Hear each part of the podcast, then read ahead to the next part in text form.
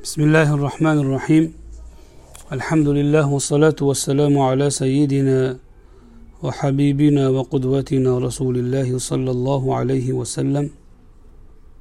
الله سبحانه وتعالى أوزه مؤمن وبينين تبيون أسردا دن كان درس مزنة منفعت لي قل سن قد كان سفر القرآن الكريم قراءته qur'oni karim qiroatini o'rgatish ta'lim berish qur'ondan boshqa ilmlarni berish e, bunga haq olish haqida gapirib o'tdilar imom navoiy so'zlarini biroz sharhlagan bo'ldik.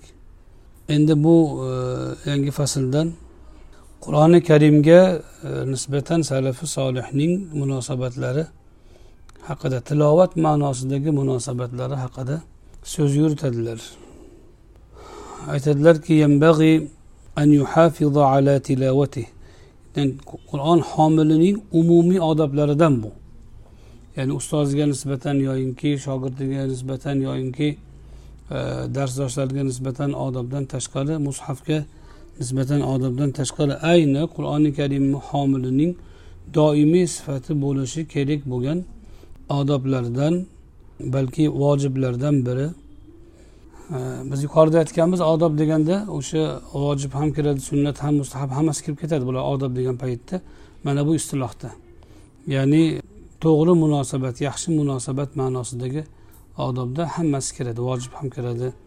Bu fiq e, istilohidagi odob emas. Fiq istilohidagi odobda vojib e, farz vojib sunnatdan tashqari bo'lgan qilinishi mahbub bo'lgan yaxshi bo'lgan amallarni odob deyishadi. Farz bo'lmagan vojib bo'lmagan sunnati muakkada bo'lmaganlarini aytishadi.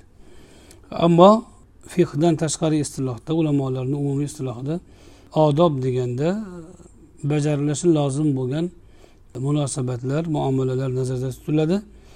Bunda vojib ham farz ham sunnat ham mustahab ham aralashib kelaveradi. Endi mana bu hozirgi bu kishi aytmoqchi bo'lgan odoblardan biri qur'oni karimni tilovatiga e, muhofazada bo'lish ya'ni doimiy bardavom bo'lish qur'oni karim tilovatida bardavom bo'lish bu vojib e, odoblardan bo'ladi ينبغي أن يحافظ على تلاوته ويكثر منها tolibi homili qur'on homili qur'on qur'oni karimni tilovatini doimiy qilib borish kerak buni bardavom saqlash kerak va uni ko'p qilish kerak ko'p qiroat qilish kerak وكان السلف رضي الله عنهم لهم عادات مختلفة في قدر ما يختمون salafi solihlarning salaf deganda biz istilohda sahoba ikromlar tobeinlar taba tobiinlarni avlodlarini tushunamiz ba'zilar uchta asrni tushunadi unda taba tobiinlarni ya'ni taba tobiinlarni ko'rganlar ham kirib ketadi. Ya'ni uch yuz yilni tushunadi.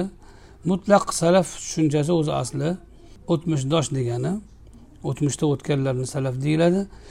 Islom e, ummatini birinchi ikkinchi uchinchi avlodlarini salaflar salafi solihlar deyish ko'proq urfga kirgan. E, bu yerda o'tmishdoshlar o'tgan ulamolarimiz azizlarimiz sahoba ikromlardan tortib tobein taba tobeinlar va ularga ergashganlar haqida so'z bo'ladi ularning salafi solihlarning xatm qiladigan miqdorlari turlicha bo'lgan edi فروى ابن أبي داود عن بعض السلف رضي الله عنهم عنهم أنهم كانوا يختمون في كل شهرين ختمة واحدة ابن أبو داود salafi solihlardan alloh ulardan rozi bo'lsin. Rivoyat qiladiki ulardan ba'zilari ikki oyda bir xatm qilishar edi. Qur'oni karimni o'ttiz porani biz tilimizda o'ttiz pora deymiz. Qur'oni karimni ikki oyda bir xatm qilishardi. Ya'ni o'qib tugatishar edi. Bu yerdagi xatmdan murod o'zi o'qishi xatga qarab o'qisin yoddan o'qisin o'zi o'qishi eshitib xatm qilish emas eshitgan kishi ham qur'oni karimni o'ttiz porani eshitgan bo'ladi qur'onni hammasini eshitgan bo'ladi lekin u qur'oni karimni xatm qilgan deyilmaydi qur'on xatm qilgan bo'lishi uchun tilovat qilgan bo'lishi kerak talaffuz qilgan bo'lishi kerak. Yana ba'zilaridan yana ba'zilaridan rivoyat qiladiki har oyda bitta xatm qilardilar.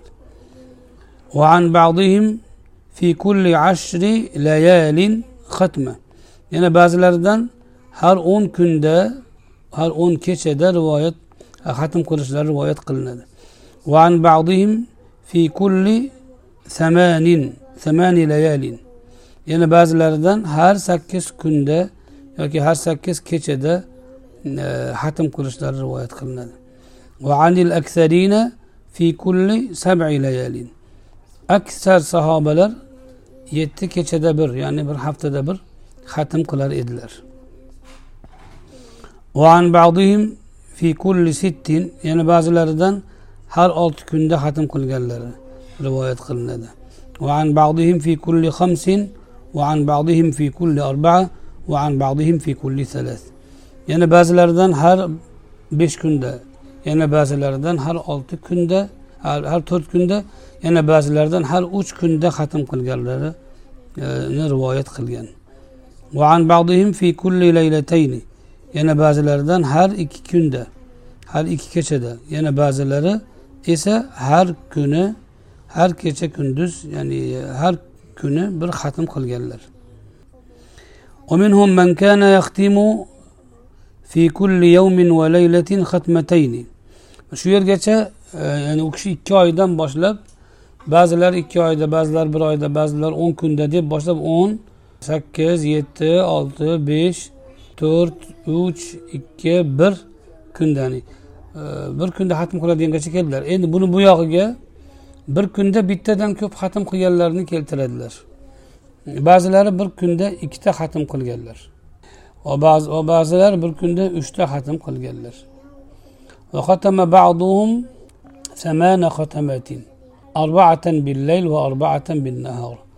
Yana ba'zilari bir kecha kunduzda sakkizta xatm qilardilar to'rtta kunduzi to'rt marta kechqurunda فمن الذين كانوا يختمون ختمة في الليل واليوم عثمان بن عفان رضي الله عنه وتميم الداري وسعيد بن جبير ومجاهد والشافعي وآخرون bir kecha kunduzda xatm qilganlar safida quyidagilar zikr qilinadi usmon roziyallohu anhu tamim ibn avs doriy said ibn jubayr tobiinlardan va mujohid ya'ni mujohid ibn jabr va imom shofiiy va boshqalar zikr qilinadi وعن الذين كانوا يختمون ثلاث ختمات سليم بن عمر رضي الله عنه قاضي مصر في عهد معاوية رضي الله عنه وإذا سليم بن عمر دبت سليم بن عتير o'zi asli sulaym ibn atir bu kishi bir kecha kunduzda bir kechada uchta xatm qilardilar bu kishi misrni qozisi bo'lganlar muoviya roziyallohu anhuning davrlarida وروى أبو بكر بن أبي داود أنه كان يختم في الليلة أربع ختمات أبو بكر بن أبو داود رواية قلدكي وكشة يعني sulaym ibn atir bir kechada to'rmarta xatm qilardilar وروى أبو عمر الكندي في كتابه في قضاة مصر أنه كان يختم في الليلة أربع ختمات. أبو عمر كندي أزنين مصر قازلار حقدي كتاب ده ولاة مصر وقضاتها ديان يعني كتاب بار وش كتاب ده sulaym ibn atirni bir kechada to'rtta xatm qilardilar deb zikr qilganlar قال الشيخ الصالح أبو عبد الرحمن السلمي رضي الله عنه كان سمعت الشيخ أبا عثمان المغربي يقول كان ابن الكاتب رضي الله عنه يختم بالنهار أربع ختمات وبالليل أربع ختمات. صالح شيخ أبو عبد الرحمن habib as sulami roziyallohu anhu aytadilarki men abu usmon mag'ribiydan eshitdimki u kishi aytgan edi.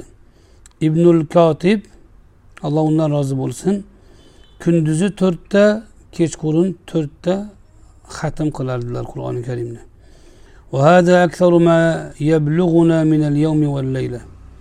Bir kecha kunduzdagi eng ko'p xatm qilgan kishi mana shu kishi. Bizga yetgan xabarlarga ko'ra eng ko'p xatm qilgan kishi bir kecha kunduzda sakkiz marta xatm qilgan to'rt marta kunduzi to'rt marta kechqurun bu kishi ibnul kotib bo'ladilar وروى السيد الجليل أحمد الدورقي بإسناده عن منصور بن زاذان عن عباد التابعي رضي الله عنه أنه كان يختم القرآن فيما بين الظهر والعصر ويختمه أيضا فيما بين المغرب والعشاء في رمضان إلى أن يمضي ربع الليل ulug' sayyid ahmad davlaqiy o'zining sanadi bilan mansur ibn zozondan rivoyat qiladi u kishi tobiiy abbod alayhi rahma alloh u kishidan rozi bo'lsin undan rivoyat qiladiki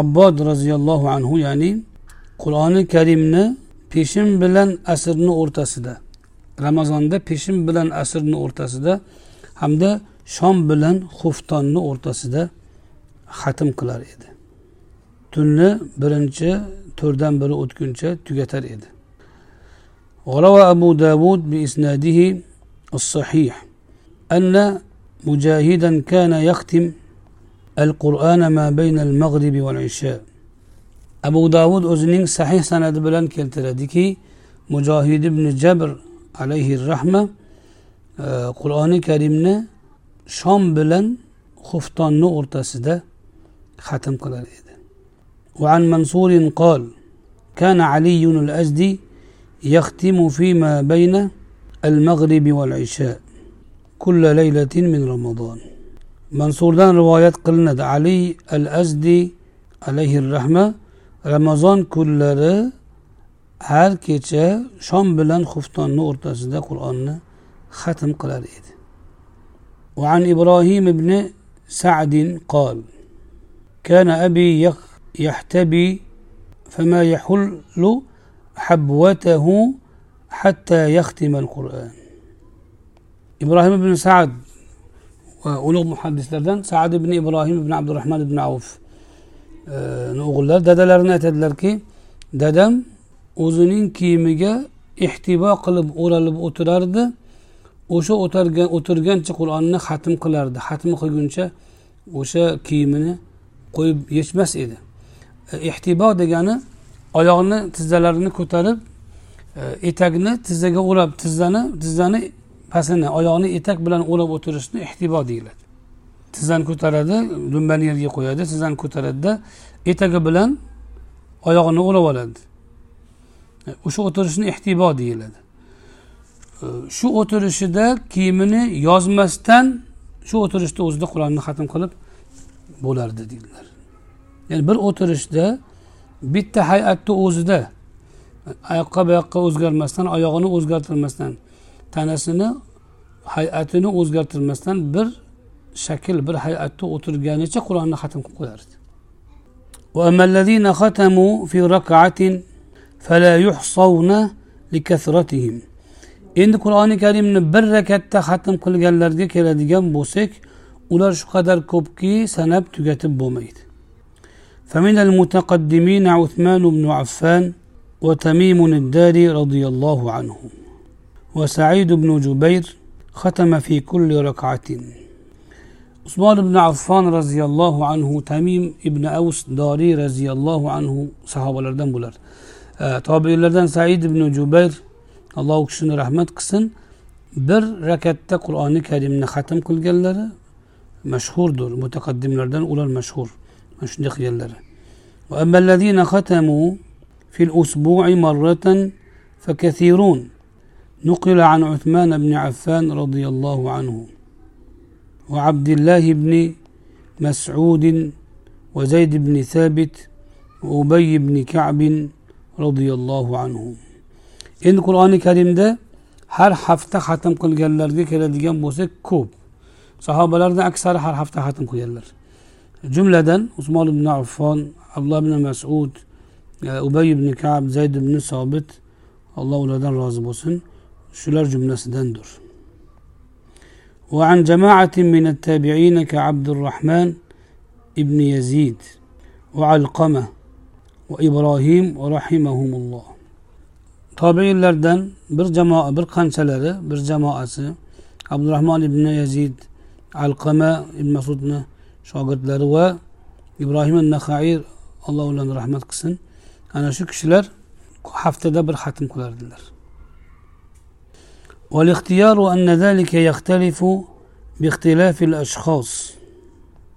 فمن كان يظهر له بدقيق, بدقيق الفكر لطائف ومعارف فليقتصر على قليل ما يحصل له كمال فهم ما يقرأ وكذا من كان مشغولا بنشر العلم أو غيره من مهمات الدين ومصالح المسلمين العامة فليقتصر على قدر لا يحصل بسببه إخلال بما هو مرصد له.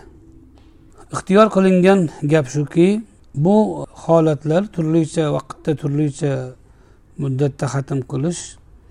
كشلرنين حرخ اللي جي ولرن حالتنين ترليلي قرب har xil bo'ladi.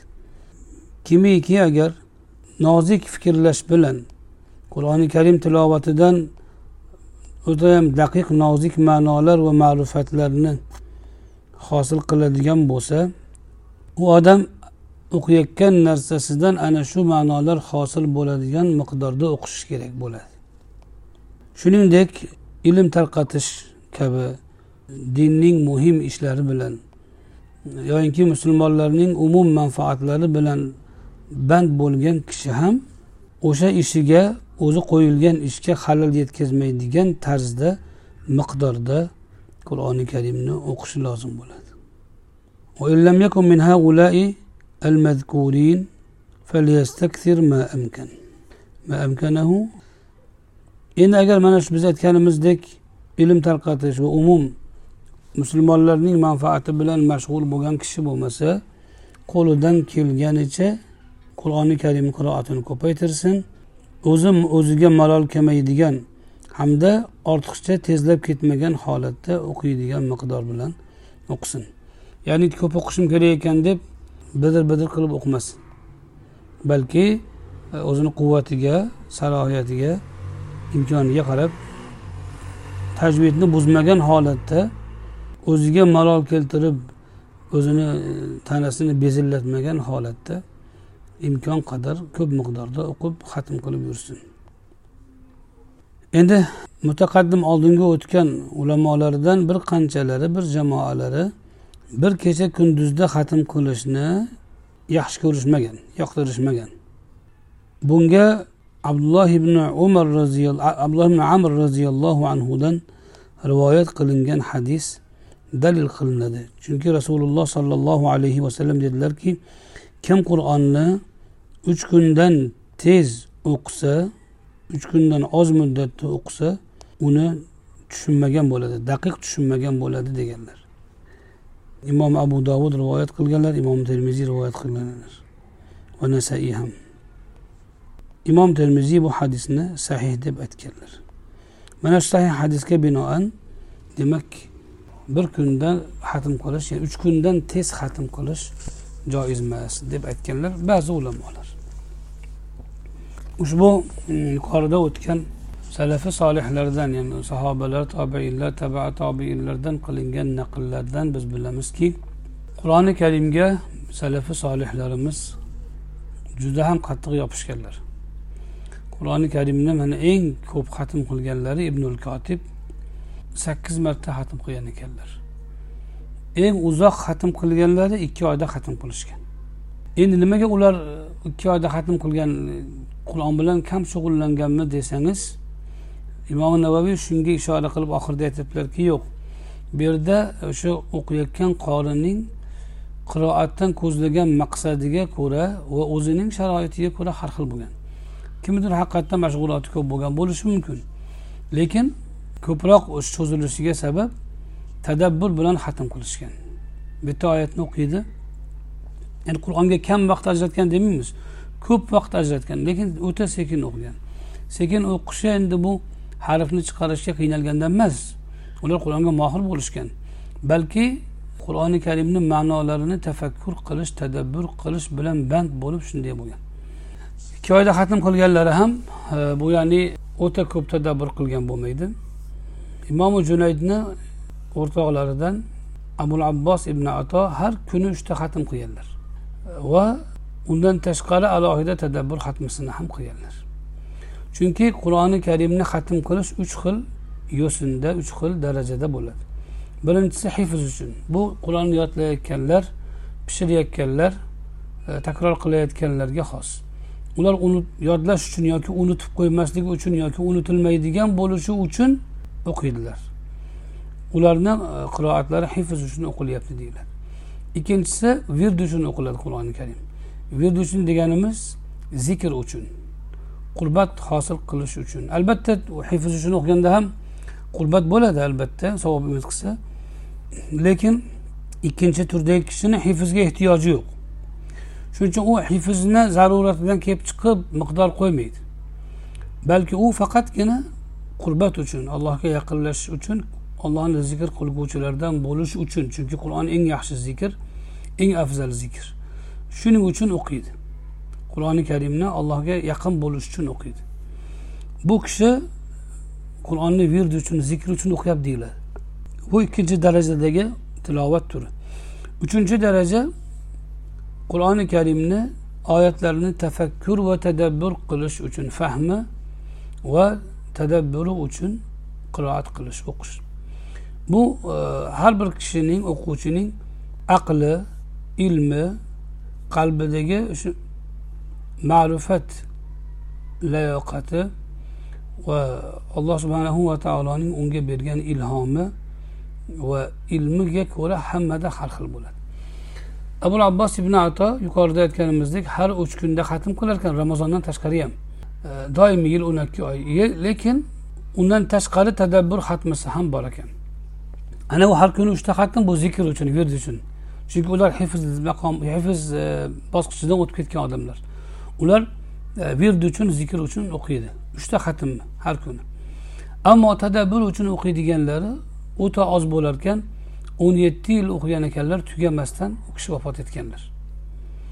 Qur'oni karimni bir marta xatm qilishga ulgurmagan tadabbur qilib. Ya'ni qur'oni karimni tushunish uchun allohni murodi maqsadini topish uchun alloh subhanahu va taolo o'rgatgan ilm va bildirgan ma'rifatlari va aqli iqtidori bilan kishi abul abbos ibn ato alayhi rahmat kuch sarflagan bo'lsalar shu qadar u kishida bir e, salohiyat bo'lganki har kuni ajratgan e, qur'oni karimni tadabbur bilan tilovat qilishga. Lekin shu qadar ko'p ma'nolar kashf qilganki bitta oyat tepasida uzoq vaqt o'tirib qoladi. Natijada o'n yetti yil o'tibdi qur'oni karimni xatm qilolmabdi o'zingiz o'ylang qur'oni karim olti ming ikki yuz o'ttiz olti oyat. Agar bir kunda bitta oyat o'qisa ham inson o'n yilda uch ming olti yuz oyat uch ming yetti yuz oyat o'qib qo'yadi. Demak u kishi yaqin bir oyat yoki ikki oyat o'qir ekanda bir kunda mayda oyatdan bo'lsa ikkita oyat bo'lsa kerak shunga to'g'ri keladi. Yoki e, uchta oyatga to'g'ri keladi. Balki bitta oyatda bir kundan ko'p ham turar ekan uzun oyatlarda. Shu qadarki chunki qur'on tugamagan qaysi sura ekanini bilmaymiz. Balki yarim bo'lgandir balki yigirma pora bo'lgandir. O'n yetti yil o'qigan har kuni tadabbur uchun tilovat qilganlar lekin qur'oni karim tugamagan. Ya'ni kerak bo'lsa bir kunda bir oyat uchun soatlab o'tirgan bo'ladi shunda. Haqiqatda qur'oni karim shunday.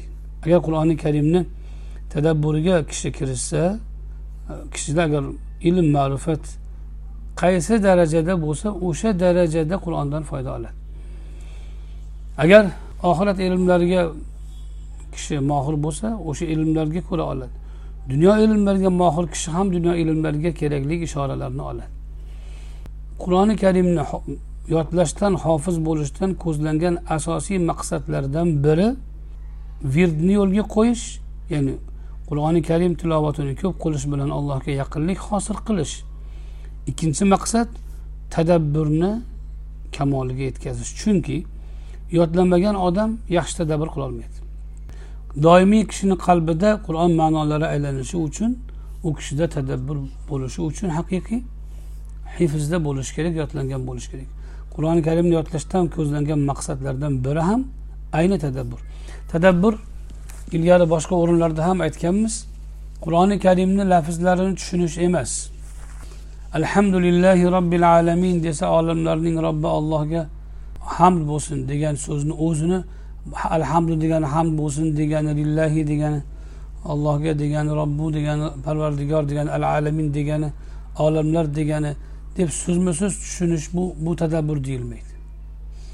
Bu fahm deyiladi oddiy fahm. Agar daqiq tushunsa fiqh deyiladi. Ammo daqiq tushunishda so'zda aytilmagan ma'nolar so'zning lafzning ortidagi gapning orqasidagi maqsad va murodlarni idrok qila olsa anglay olsa ana u kishi mana bu ish tadabbur deyiladi. Chunki tadabbur duburdan olingan dubur orqa degani. Tadabbur bir narsani orqasini anglay olish ko'ra olish. Shuning uchun qur'oni karimni lafzlarini arab tilidagi lug'atdan arab tilidan lug'atdan bilib turib e, shu bilan tushunyapman degan kishi adashadi. To'la tushunyapman degan kishi. U odam zohirda shu lafzlarni tushungan bo'ladi.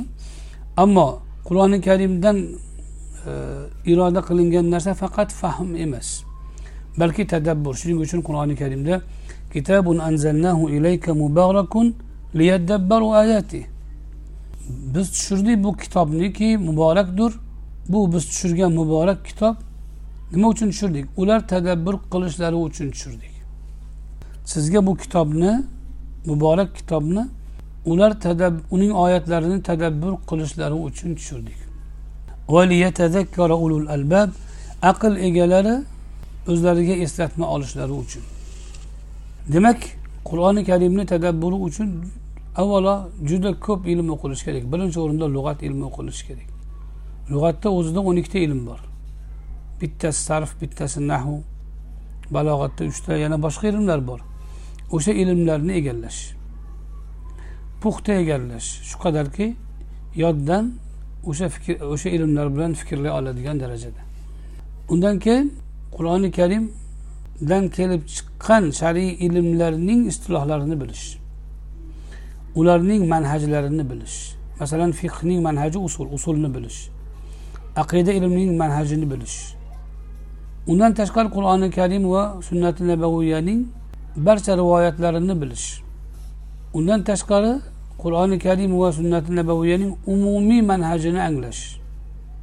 Undan tashqari alloh subhanahu va taoloni o'ziga bog'langan holda qalbni tozalab allohdan keladigan ma'rifatlarga qalbni hozirlash. Mana bu ishlar qay darajada kamoliga yetsa o'sha darajada kishida qur'oni karimga nisbatan fahm fiqh va tadabbur hosil bo'ladi. Ammo qur'oni karimni shu mablag'larni uchtasini o'qib yoki qaysidir arabcha bir markazni kitobini arab tilini o'rgatadigan markazni kitobini o'qib turib shu bilan qur'onni tushunaman deyayotgan bo'lsa u odam ahmoq bo'ladi johil bo'ladi. Qur'oni karimni to'g'ri masalan ba'zi lafzlarni tushunishi mumkin lekin maqsadiga yeta olmaydi. To'la tushuna olmaydi nozik ma'nolariga yetib bora olmaydi va alloh subhanahu va taoloning murodini anglay olmaydi. Murodini fahmini hosil qila olmaydi. Mana bu haqiqatni yaxshi tushunishimiz kerak. Bir kishi qur'oni karimni lafzlarini yozib olib yoki o'zbekcha tarjimadan qur'onni ma'nolarini o'qib olib to'la tushunyapman desa u kishi adashgan bo'ladi. Endi qur'oni karimni ana shunday kamoli tadabburiga erishish uchun o'qiladi barcha shar'iy ilmlar. Demak ana shu darajaga yetguncha shar'iy ilmlarda o'qish kerak o'rganish kerak izlanish kerak bo'ladi. Qur'oni karimda hamma e, savollarga hamma masalalarga javob bor. Faqat uni chiqarib bila olishga ilm va aql kerak xolos. Allohdan tavfiq kerak. Shuningdek bu faslda biz bilishimiz kerak bo'lgan narsa salafi solihlardan sunnat shuki ayni rasuli akram alayhissalotu vassalomdan sunnat shuki qur'oni karimni ko'p o'qish kerak. Mana biz yuqorida bildik eng uzog'i ikki oyda xatm qilishgan. Va yana bir ma'noni aytib qo'yishimiz kerak bu xatmlarni aksari tahajjudda bo'lgan. Aksar e, salaflar qur'oni karimni xatm qilardi bir haftada o'n kunda uch kunda deganda tahajjuddagi xatmni nazarda tutganlar. Qur'oni karimni yodlashdan ko'zlangan maqsadlardan biri ham shu. Tahajjudda qur'oni karimni xatm qilib aylantirish. Yaqinda mandan bir tolib so'rab qoldi tolib ilm. Doim e, shu ustozligi o'qib beradi. Man o'zim aytganman o'zimni farzandim ya'ni e, doim palonchiga pistonchiga o'qib ber deyman. Undan tugasa bunga bundan tugasa bunda tugasa narigisiga borib o'qib beradi. Mandan so'radiki men qachon o'qib bermaydigan bo'laman? Qachon birovga o'qib berish ehtiyoji manda ketadi? Ya'ni mustaqil o'zim o'qishga qolaman. Man aytdimki tahajjudda xatm qiladigan bo'lganingda tahajjudda xatm qiladigan bo'lganing ya'ni shunga yarasha hifz bo'lsin birov aytib beradigan odam yo'q qarab oladigan mushaf yo'q yoddan o'qiladi va aytib turadigan luqma beradigan e, adashgan joyini to'g'irlab turadigan odam ham yo'q. Yolg'iz o'zi o'qiydi tahajjud shunda xatm qila olish kerak. Bu degani fotihadaqa puxta pishgan va xotirjam o'qiladigan darajaga kelish kerak o'ttiz pora ana shunda o'zingga qoladi.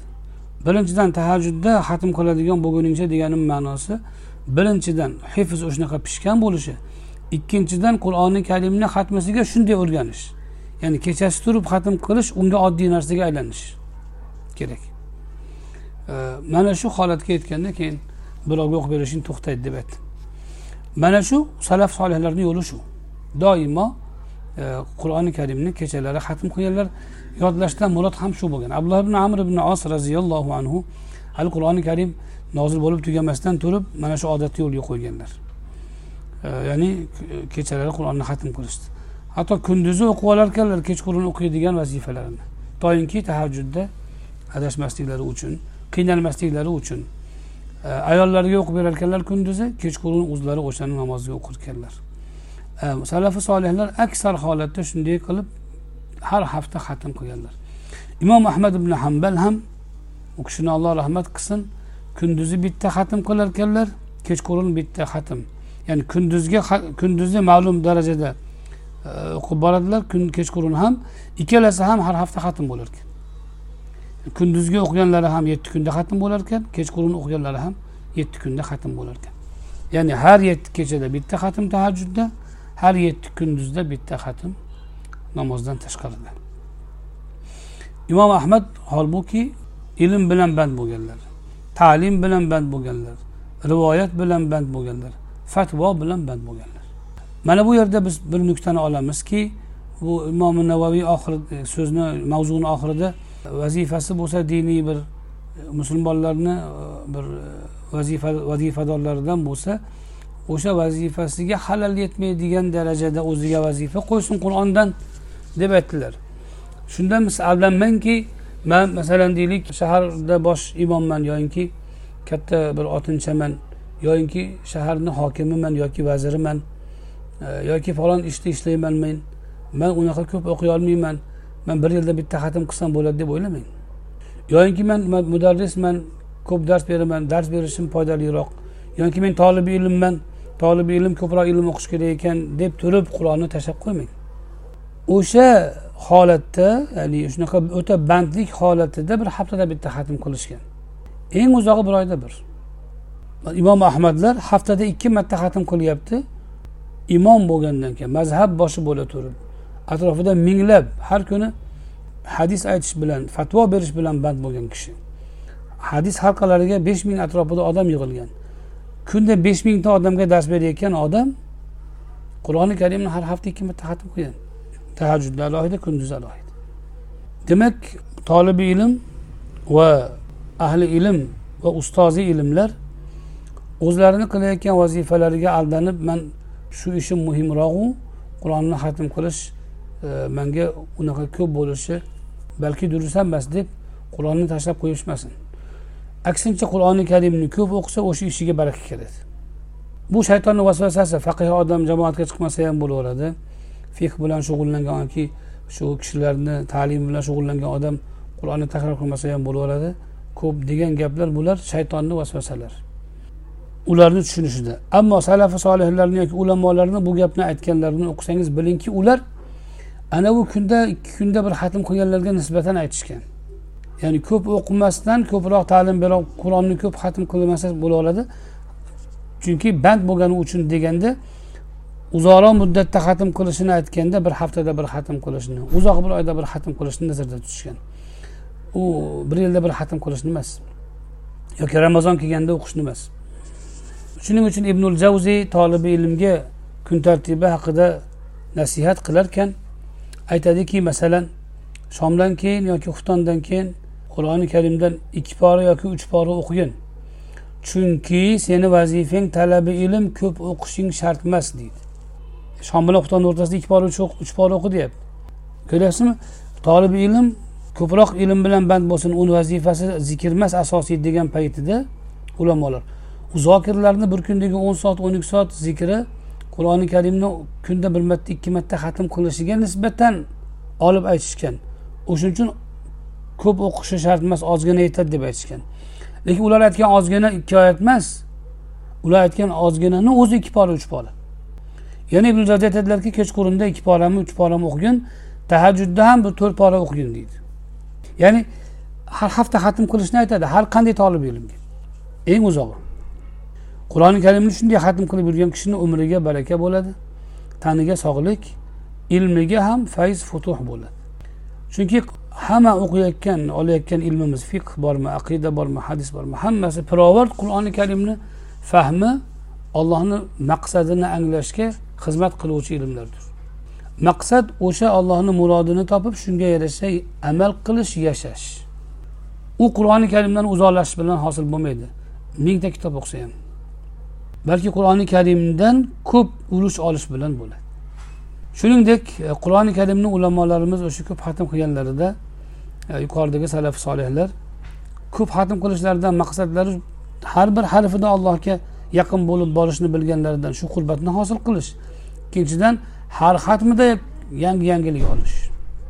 Har xatmida yangi ma'nolarni kashf qilish bo'lgan. Va haqiqatan voqean shunday bo'lgan. Shuning uchun qur'oni karimni yaxshi anglaganlar to'g'ri tushunganlar va go'zal hayotga va yuqori oliy darajadagi bir hayot tarziga ega bo'lganlar. Biz ham demak mana shuni o'zimizga vazifa qilishimiz kerak. Endi oz ozdan bir poradan boshlab bo'lsa ham yarim boladan boshlab bo'lsa ham kundalik wird davom etsa bir o'zingizda sinaysiz. Yarim pora har kuni o'qing. Bomdoddan oldin yoki keyin. Eng afzal payt shu payt. Yarim pora o'qing bir kunda. Yarim soat ham ketmaydi. O'n besh daqiqa yigirma daqiqa. Sekin o'qiydigan lafz sekin odamga o'ta sekin o'qiganga bir yarim soat ketadi. Bardavom bo'ling. Shu yarim soatda bir poraga chiqasiz. Shu yarim soatda ikki poraga ham chiqasiz. Shoshmagan holatda bidir bidir qilib haligi tushunmaydigan qilib o'qish bilan emas balki vaqtingizga baraka berilishi bilan agar virdda bardavom bo'lsangiz o'z uz o'zidan o'sha vaqtni o'sha muddatni o'zida ko'p o'qiydigan bo'lib borasiz. Sharti bardavomlik. Ertalab bir soat qur'onga ajrating bir umrga.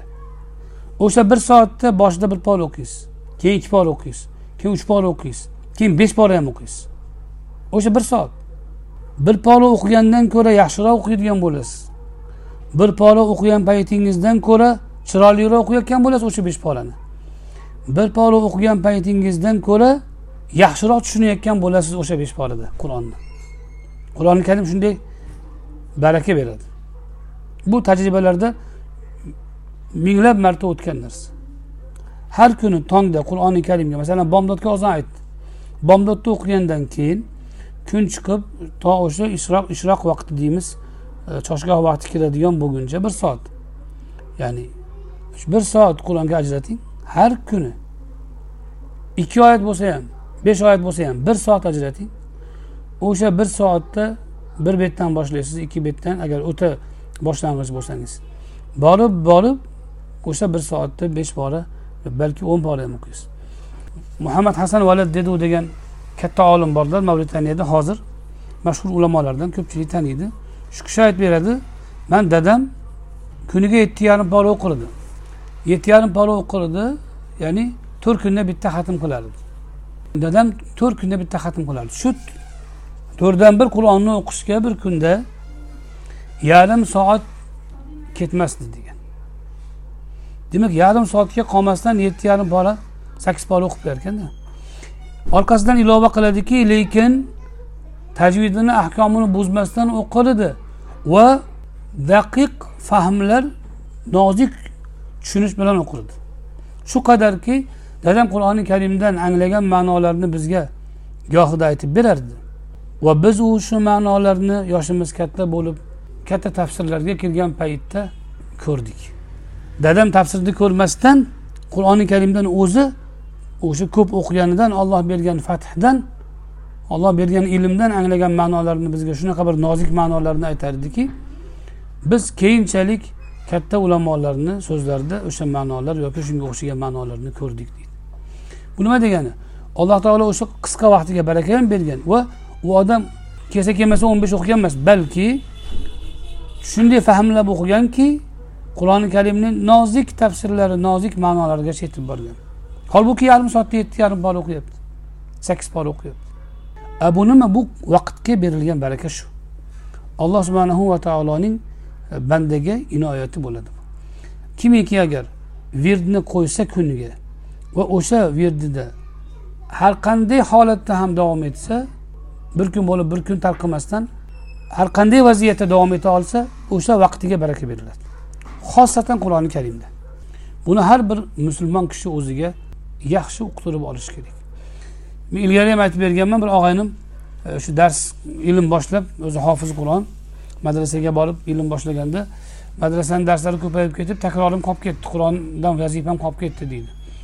Ulgurmayman ustozdan olib kelaman darslarni yozaman chizaman muzokara qilaman ulgurmayman. Bir kun oxiri o'zimga ahd qildimki man dars nima bo'lsa bo'lsin ilm nima bo'lsa bo'lsin qur'ondan uzoqlashmasligim kerak. Har kuni besh pora o'qiyman keyin darsga o'tiraman dedim. Ertalab besh pora o'qiydigan bo'ldim.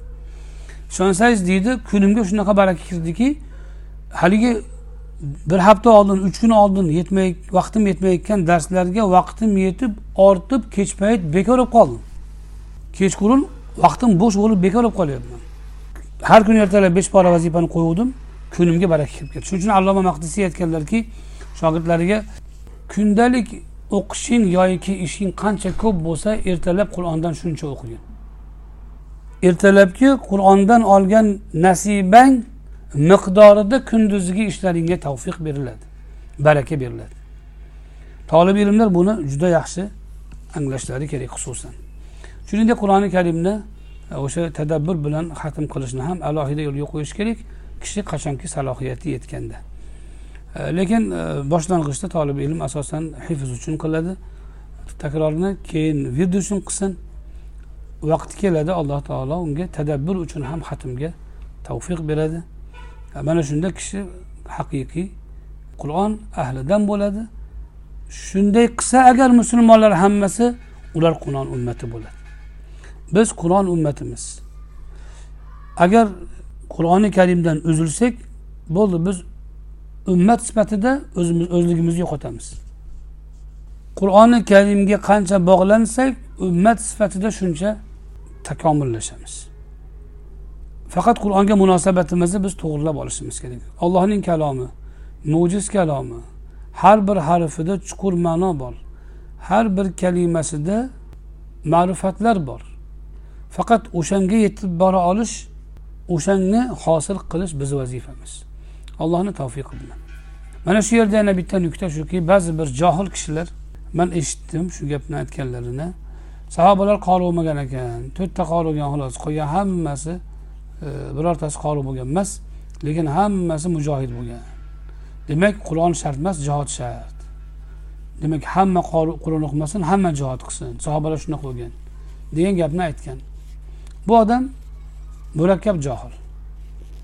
Sahobalarni tarixini o'qimagan birgina hadisni ko'rgan bo'lishi mumkin.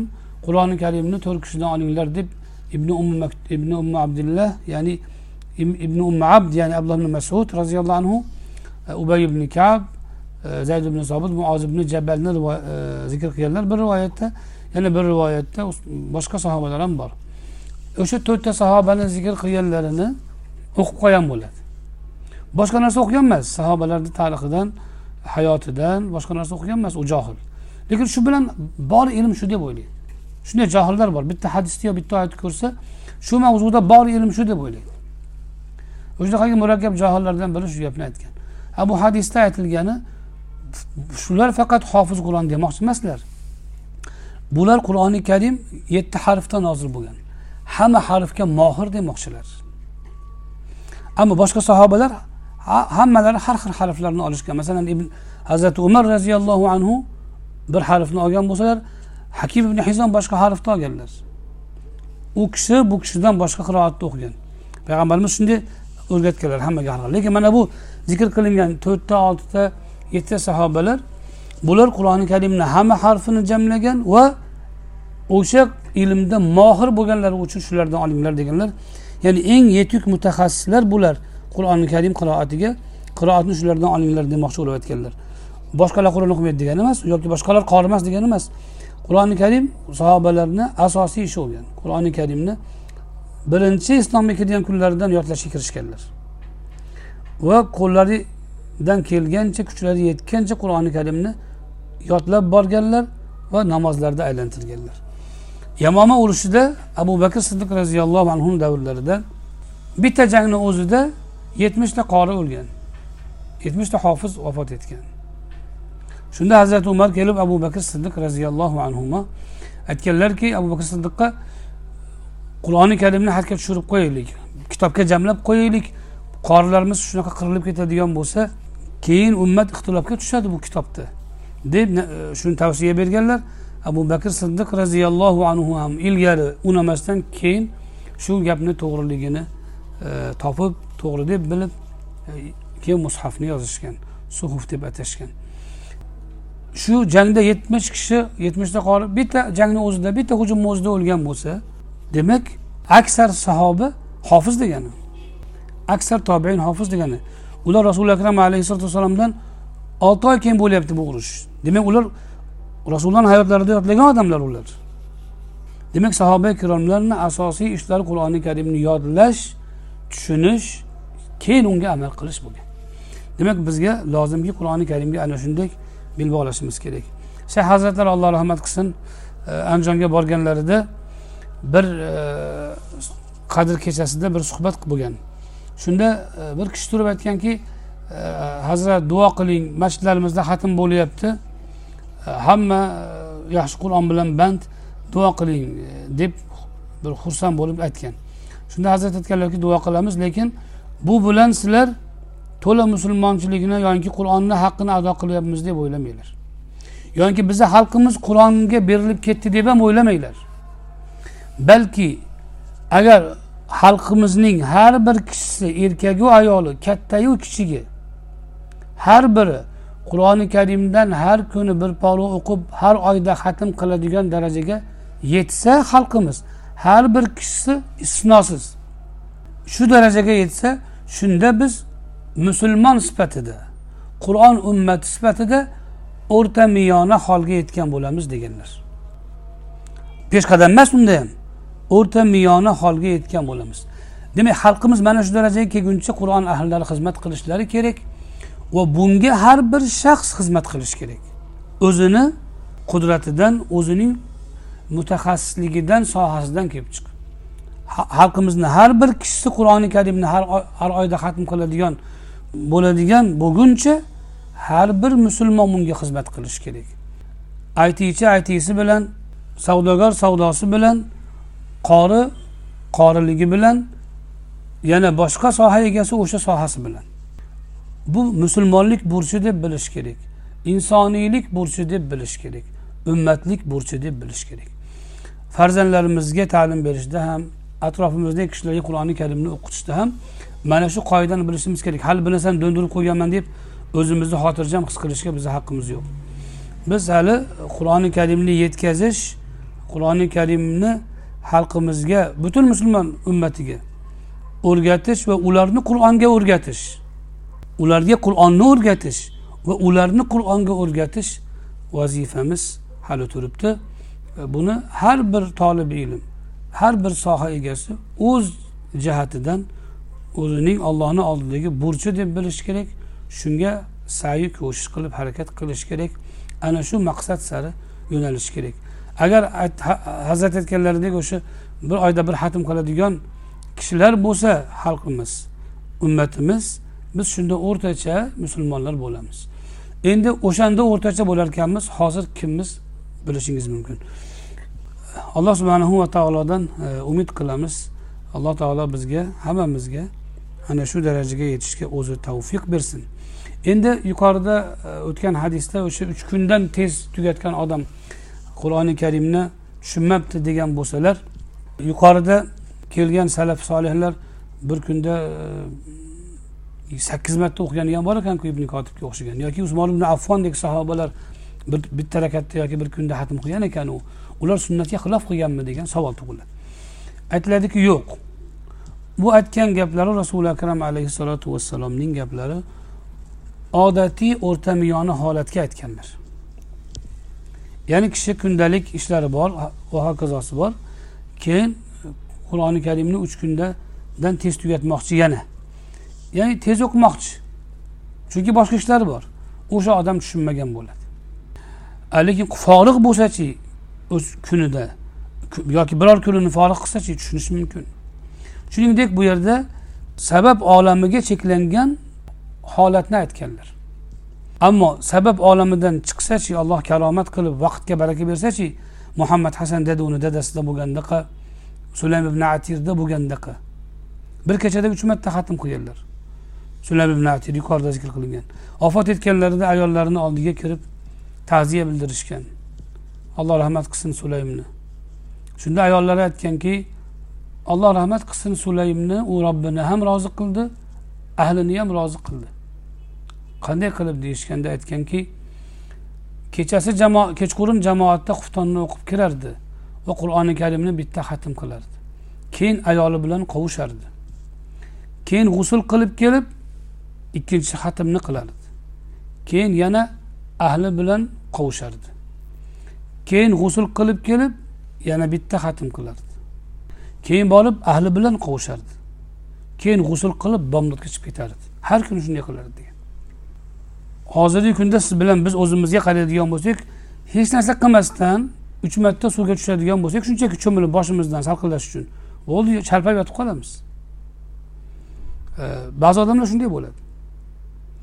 Qur'oni karimni uch marta emas uchdan birini bir kechada o'qib olish katta narsa. Lekin u kishida shu bir kechada uch marta xatm uch marta mujomaa uch marta g'usul yana bomdod bilan xufton jamoatda va bu narsa doimiy bo'lishi nimadan karomatdan boshqa narsa emas. Bu sahih san'at bilan bizni rivoyatimizni egasi imom osim ustozlaridan e, abu abdurahmon sulamiydan rivoyat qilib aytganlar. Ular zamondosh bo'lishgan o'sha sulam ibn atir bilan. Har kechada uchta xatm qilganlar va ana shunday ahlini ham rozi qilganlar. Bu karomat egalari alloh taolo bularga vaqtni keng qilib bergan. Vaqt nisbiyligi eynshteyn nazariyasida ham bor. Fan isbotlagan narsalar biz u isbotga ehtiyojimiz yo'q. Qur'oni karimda bor sulaymon alayhissalomni qissalarida vaqt nisbiyligi aytilgan. Uchta vaqt miqdori nisbati aytilgan. Demak alloh taolo karomat bersa bo'lishi mumkin. Lekin rasuli akram alayhissalotu vassalom aytgan gaplari qur'oni karimni uch kunda tez tez xatm qilishdan qaytarish emas bu yerda. Xatm qilsa tushunmabdi. Ya'ni faqih degan fiqh degani nozik daqiq tushunish. Daqiq tushunmabdi degan gunohkor bo'lgan emas baribir. Mabodo tushunmagan taqdirda ham nozik. Qur'oni karimni zikr qilgan o'qigani va u bilan ollohni zikr qilgani uchun ajr olaveradi lekin olloh karomat bersa muhammad hasan dedi uni dadasiga o'xshab daqiq fiqh ham hosil bo'laveradi. Demak bu oddiy holatga ya'ni qur'onga forig' bo'lmagan kishiga va vaqt nisbati sabab olamiga cheklangan kishiga aytilgan. Va bu yerda nozik tushunishgina aytilgan. Balki undan tez tugatish ko'p undan ko'p o'qish qaytarilgan emas tushunmaydi deb aytganlar xolos. Imom shofiy qur'oni karimni uch kunda to'rt marta xatm qilganlari aytiladi. Ijtihodda ijmoga dalil topish uchun.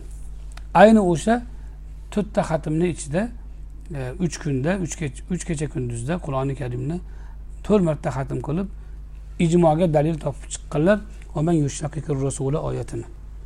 Demak fiqh u kishida hosil bo'lgan. Uch kunda to'rt marta xatm qilsa ham.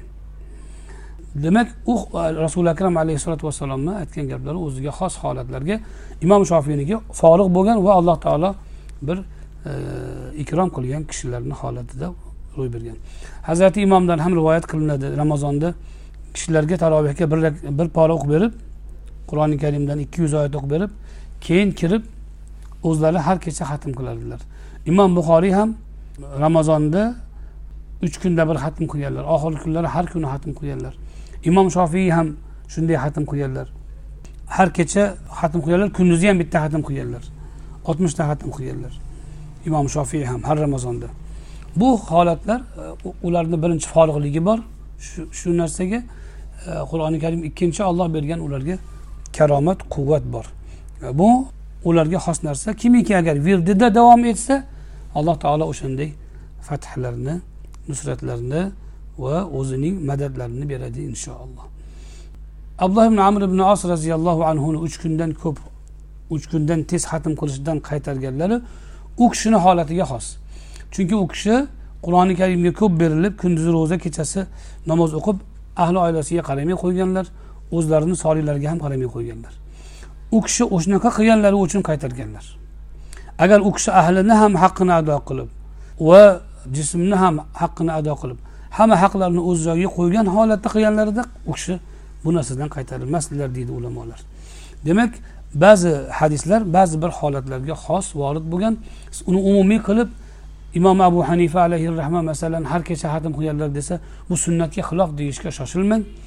Aqlingiz yetmagan narsaga darrov e, so'z aytmang va masalani atroflicha o'rganib e, gapirishga o'rganing.